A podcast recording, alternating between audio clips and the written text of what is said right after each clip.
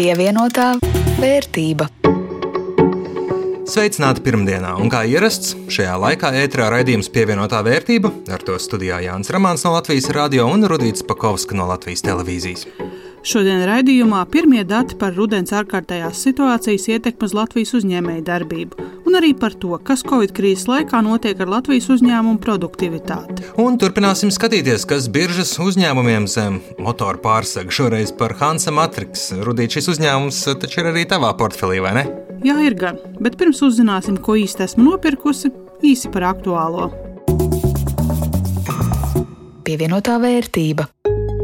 Teikt, ka Covid-19 izplatība arvien pieaug, nu jau vairs nešķiet nekāda aktualitāte. Jaunatklāto inficēšanās gadījumu skaits pamazām tuvojas tūkstotim, kas vēl pirms tik īsa mirkļa likās neiedomājami, un līdz ar to ir skaidrs, ka Ziemassvētku un jaunais gads šogad būs klusi, rāmi un visticamāk jāatzīmē nesatiekoties. Globālā līmenī gan nerimst optimisms par koronavīrusa vakcīnām, un daudz biržu indeksu tuvojas vai sasniedz jaunus rekordus arī Latvijā. Labas ziņas bija oktobra mazumtirdzniecības indeksam, piekto mēnesi pēc kārtas pieaugums un plus 6,1% salīdzinot ar 2019. gada oktobri bet tepat Latvijā, episkajā ikrudens cīņā parlaments pret budžetu, pagaidām rezultāts 0,1 budžeta labā. Piecas dienas skatot budžeta pavadošos likumus, līdz beigām tā arī netika. Un turpinās vēl šodien. Turklāt priekšā vēl paši svarīgākie likuma projekti, to vidū arī pats budžets. Nobalsot par, deputātiem gan izdevās par grozījumiem sociālās apdrošināšanas kārtībā. Labā ziņa par vienu procentu punktu šīs iemaksas samazinātas, bet mulsinošāko izmaiņu titulu iespējams šogad varētu nopelnīt jaunā minimālo valsts sociālās apdrošināšanas obligāto iemaksu objekta ieviešana. Nu, ideja jau ir cēla. Izskaust nodokļu režīmus, kuru dēļ cilvēki, notiekot kādai nelaimei, nu, no pandēmijas līdz bezdarbam vai kādai slimībai, paliek pie sasistas silas un tukša maka. Bet secinājums, vismaz lasot pirmos skaidrojumus, ir saprast var tikai to, ka pagaidām neko īsti nevar saprast. Atliek meklēt kādu ekspertu, kurš mums kādā no nākamajiem raidījumiem palīdzētu saprast, kā rīkoties cilvēkiem ar dažādiem ienākumiem, kas gūti atšķirīgos nodokļu režīmos pievienotā vērtība. Kā pandēmija ietekmē ekonomiku, to pavisam reālā līmenī mēra izmantojot datus par mobilo tālruņa lietošanu. Pirms vairāk nekā gada LMT un Latvijas Universitāte bija pētījuši, kuri novadi ir tā teikt darba rūķi ar augstu sakaru intensitāti tieši darba laikā, un kuri vietas, kur pavadām vakarus, nedēļas nogalas vai ballītes. Pavasara Covid uzliesmojums to izmainīja. Ekonomiskā aktivitāte izklīda no centriem uz visu pārējo Latviju. Šeit Rīgas piemērs, Rīgas centrs, kur ekonomiskā aktivitātes faktiski tāds koncentrācija vislielākā bija, ir gandrīz tuku, nu, samazinājusi, ievērojami samazinājusi. Savukārt mēs septembra beigās, oktobra sākumā bijām faktiski atgriezušies gandrīz vai tieši Rīgas centrā iepriekš pirms krīzes aktivitātes apjomā. Tā situāciju skaidro Latvijas Universitātes biznesa vadības un ekonomikas fakultātes dekāns profesors Gundars Bērziņš, bet šobrīd, rudens ārkārtējās situācijas laikā, dati par ekonomisko aktivitāti ir visai satraucoši. Tad šobrīd tā tendence ir tāda, ka aktivitāte samazinās ekonomiskā aktivitātes centros, bet nepalielinās ārpus ekonomiskā aktivitātes centra. Tas var liecināt, ka Nākotnē mums daudz vairāk būs nepieciešams papildus atbalsts tieši no mm, dažādos finansējumos, gan maziem vidiem uzņēmumiem, gan arī iedzīvotājiem. Jo summāra ekonomiskā aktivitāte tieši šobrīd ir zemāka, un tā atšķirās no situācijas, kāda bija cilvēku ekonomiskā aktivitāte pavasarī pievienotā vērtība. Te nu jāatklāja, ka jaunākos datus par ekonomisko aktivitāti profesors Bērziņš pieminēja Latvijas Universitātes konferencē Produktivitātes dialogs. Tajā pirmo reizi publikai bija iespējams ieskatīties tapšanas stadijā esošajā Latvijas produktivitātes ziņojumā 2020. Pašu ziņojumu vēl papildinās, slīpēs pirms publiskot sabiedrībai un valdībai, bet jau tagad atklājas daži visai interesanti aspekti par Latvijas uzņēmumu produktivitāti. Piemēram, pētījums par uzņēmumu produktivitāti produktivitāti. Vai lielāks nozīmē produktīvāks? Nu, tāda tendence it kā ir, bet citējot pētījuma autoru Latvijas Universitātes produktivitātes zinātniskā institūta direktoru vietnieku Oļegu Krasnopjorovu, piederība pie lielo uzņēmumu grupas vēl negarantē augstu produktivitāti. Nu, tad varbūt uzņēmuma vecums. Nu, it kā jā, bet arī šajā grupā. Kā ir ļoti maz uzņēmumu ar augstu produktivitāti un ir daudz uzņēmumu ar zemu produktivitāti. Atrašanās vieta. Nu, no vienas puses, jāsaka, pētnieks. Piemēram, uzņēmums, kas atrodas tuvāk par desmit kilometriem no Republikas pilsētas, vidēji ir 1,6 reizes produktīvāks par uzņēmumu, kas no Republikas pilsētas atrodas tālāk par 50 km. Bet arī te ir viens liels, liels bet.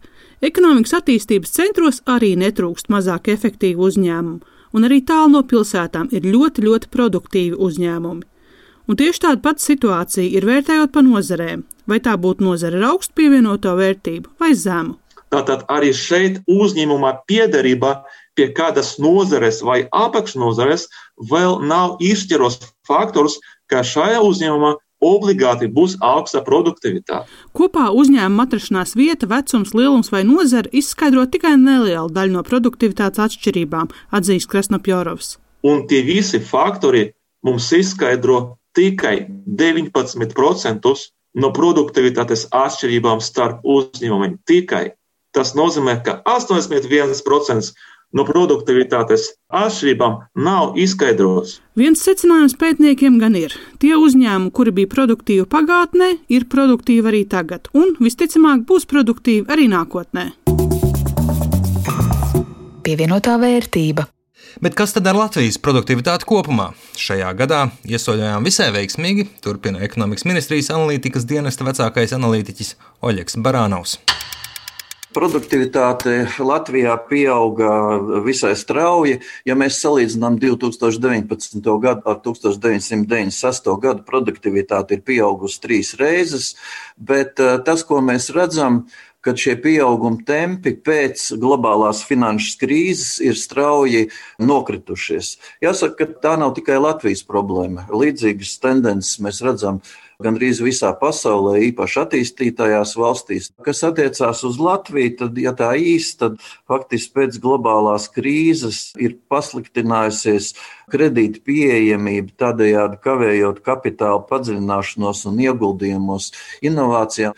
Par to, kā tad produktivitāti ietekmē pandēmija. Nu, šobrīd tie dati nav daudz, bet tie, kas ir, viņi parāda, ka tā ietekme uz produktivitāti ir diezgan neskaidra. Barānos skaidro, pandēmijas laikā grūti ir iegūt plašu un ticamu statistiku. Priekšstatu jauc un maldina, piemēram, dīkstāvis pabalsti.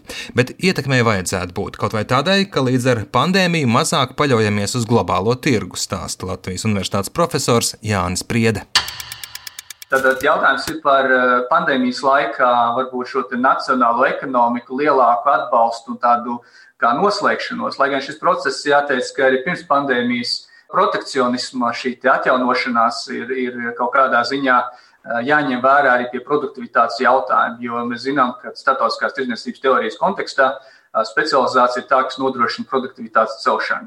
Barānaus no ekonomikas ministrijas uzsver tālākās attīstības galvenie scenāriji ir divi. Viens ir uh, trenda scenārijs. Tas nozīmē, ka mēs atgriežamies pie pirms uh, Covid uh, trenda, kāds tas bija turpmākajos gados, un tātad lēni konverģējam uz Eiropas Savienības vidējo līmeni. Un otrs scenārijs, tas ir pātrinājums scenārijs, kad ieguldījumu un valsts atbalsts sekmē pārēju uz, uz augstāku produktivitātes līmeni.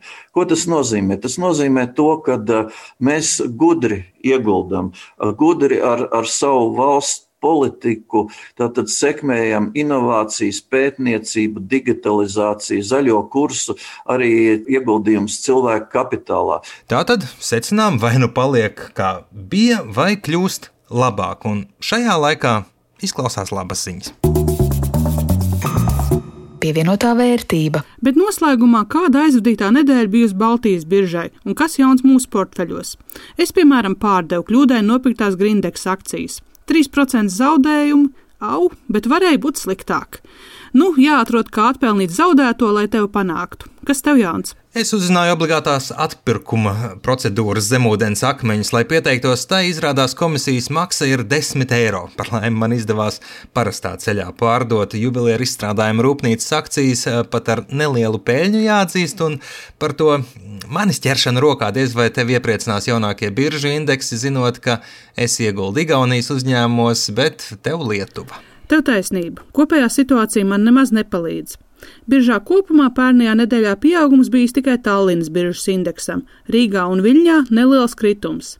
Vislielākais apgrozījums arī Ignitis grupai akcijām. No Latvijas jau tradicionāli visvairāk darījumu bijuši ar farmācijas uzņēmumu Olaina Farm. Ik nedēļas stāstam arī par kādu no biržas uzņēmumiem, vairāk un šoreiz par augsto tehnoloģiju uzņēmumu Hansa Matrix, kuras akcijas Rudīte ir iekļāvusi arī savā portfelī. Biržā šis uzņēmums atrodas samērā nesen, kopš 2016. gada, ienāca ar mērķi piesaistīt naudu, investīcijas. Sākotnējie mērķi ambiciozi, bet tik spīdoši neveicās, un no iecerētās summas pirmajos gados izdevās piesaistīt vien trešdaļu. Par to, kā šobrīd uzņēmumi veicas biržā, dzirdēsim Lindas Zalāns sagatavotajā ierakstā. Uzņēmums Hansa Matrix ir ražojošs uzņēmums, kas ražo augsto tehnoloģiju produkciju tieši elektronikā. Ar uzņēmumu iepazīstina tā valdes priekšsēdētājs Ilmārs Osmanis. Mēs strādājam vairākās jomās. Mūsu lielākā joma ir telekomunikāciju un datu tīklu produkti, pietiekami liela joma ir industriāli produkti. Mums ir IoT produkti, produkti, kas saistīti ar 5G tīklu infrastruktūru, mums ir produkti arī, kas saistīti ar medicīnu un aizsardzību. Runājot par Hanza Matrix šī gada finanšu rādītājiem, Osmanis atzīst, ka pirmajā pusgadā izjuta Covid-19 radītās ķibeles, kas traucēja strādāt. Pirmā, otrā ceturksnī mums bija vairāk mēneši, kad kavējās izēvielu piegādes arī klientu pusē bija diezgan liela neziņa, kas nu tagad būs, un arī, zinām, dažos klientos panika dažādu pasūtījumu atcelšanu, pārcelšanu, samazināšanu. Kopumā tas hausa periods nebija pārāk ilgs. Mēs esam faktiski atgriezušies pie izaugsmas, pie normāla darba. Un šobrīd trešo ceturksni, ko mēs tikko noziņojām biržā, jau ziņojām 7% pieaugumu pret pagājušā gada trešo ceturksni. Webīdas peļņas līmenī faktiski bija labākais ceturksnis pēdējos trīs gados. Šogad uzņēmums apgrozījuma jomā plāno sasniegt pagājušā gada līmeni 23 līdz 24 miljonu eiro apmērā. Osmans prognozē, ka dēļ nestabilā gada sākuma peļņa būs par aptuveni 20% mazāka nekā pērn. Par šo gadu maksāsim dividendi, tas ir akcionāru sapulcē būtisks jautājums, kad būs viss apkopots, auditēts skaitļi, tad var gadīties, ka mēs maksājam, var gadīties, ka mēs šogad dividendus nemaksāsim, lai atstātu naudu kompānijā investīcijām un attīstībai. Bet līdz šim mēs esam maksājuši nelielu dividendi. Mēs esam ar akcionāriem vienojušies, ka mēs esam saucamais izaugsums, eh, growth kompānija. Mēs investējam diezgan lielu peļņas daļu, patiesi lielu peļņas daļu, un esam panākuši būtībā pieaugums vidēji 5-16% gadā. Arī nākotnē kompānijas plāns ir augt tik gadus, bet vai Hanza Matrix pēc četriem gadiem biržā jau ir apsvērs domu par tās pamešanu? Piedāvājumi nopirkt kompāniju ir bijuši, tie pienākat pietiekami regulāri. Ne, biznesa ir biznesa un to nevar izslēgt, bet šobrīd tāds konkrēts plāns nav. Hanza Matrix biržā ir salīdzinoši nesen, kopš 2016. gada, un, ja piedalījāties sākotnējā akciju izvietojumā biržā, tad uh, ienesīgums kopš tā brīža ir vien daži procenti. Uzkrājuma un ieguldījuma eksperts Kaspars Pēcinieks, aplūkojot Hanza Matrix akciju cenas, secinājis, ka sākotnēji to cena auga, bet tam sekoja nerimstoša akciju cenas kritums ar zemāko punktu šī gada Covid-19 pirmā viļņa laikā. Kopš tā laika uz kopējā pasaules akciju cenu pieauguma fona arī Hanza Matrix akciju cena ir pieaugusi. Pozitīvi var vērtēt, ka uzņēmuma apgrozījums kopumā kopš 2005. gada ir uzrādījis pieaugošu tendenci. Ja 2015. gada pirmajos deviņos mēnešos uzņēmums apgrozīja 10 miljonus eiro, tad šī gada deviņos mēnešos tie bija jau 17 miljoni eiro. Tomēr nepārāk labi ir tas, ka uzņēmumi turpina kristies peļņas maržas. Pozitīvs gaismas stariņš ir šī gada trešais ceturksnis, taču kopumā neto peļņas marža uzrāda lejupējošu tendenci. Uzņēmums pārskatos uzsver EBITDA jeb peļņas pirms procentiem, nodokļiem, nolietojumu un amortizācijas maržu, taču pieredze rāda, ka parasti liels uzsvars uz šo rādītāju tiek likts kad nav ko īsti parādīt neto peļņas rezultātā. Savukārt uzņēmuma bilances vērtība pēc pēdējiem datiem ir ap 4,67 eiro par vienu akciju, kas ir krietni zemāka par pašreizējo akcijas cenu biržā. Lai izskatītu šo uzņēmumu ieguldīšanu pēc pēcnieku domām, tam būtu vairākos ceturkšņos jāuzrāda tendenču maiņa visos šajos rādītājos, un tad tas būtu labs signāls, lai pārvērtētu iespēju ieguldīt šajā uzņēmumā. Linda Zalāne Zāne, Latvijas radio. Pievienotā vērtība.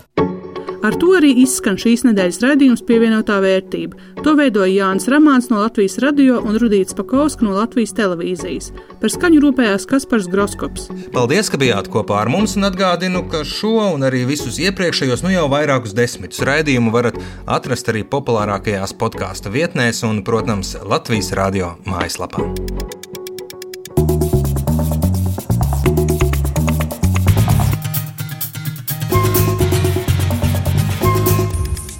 Pievienotā vērtība.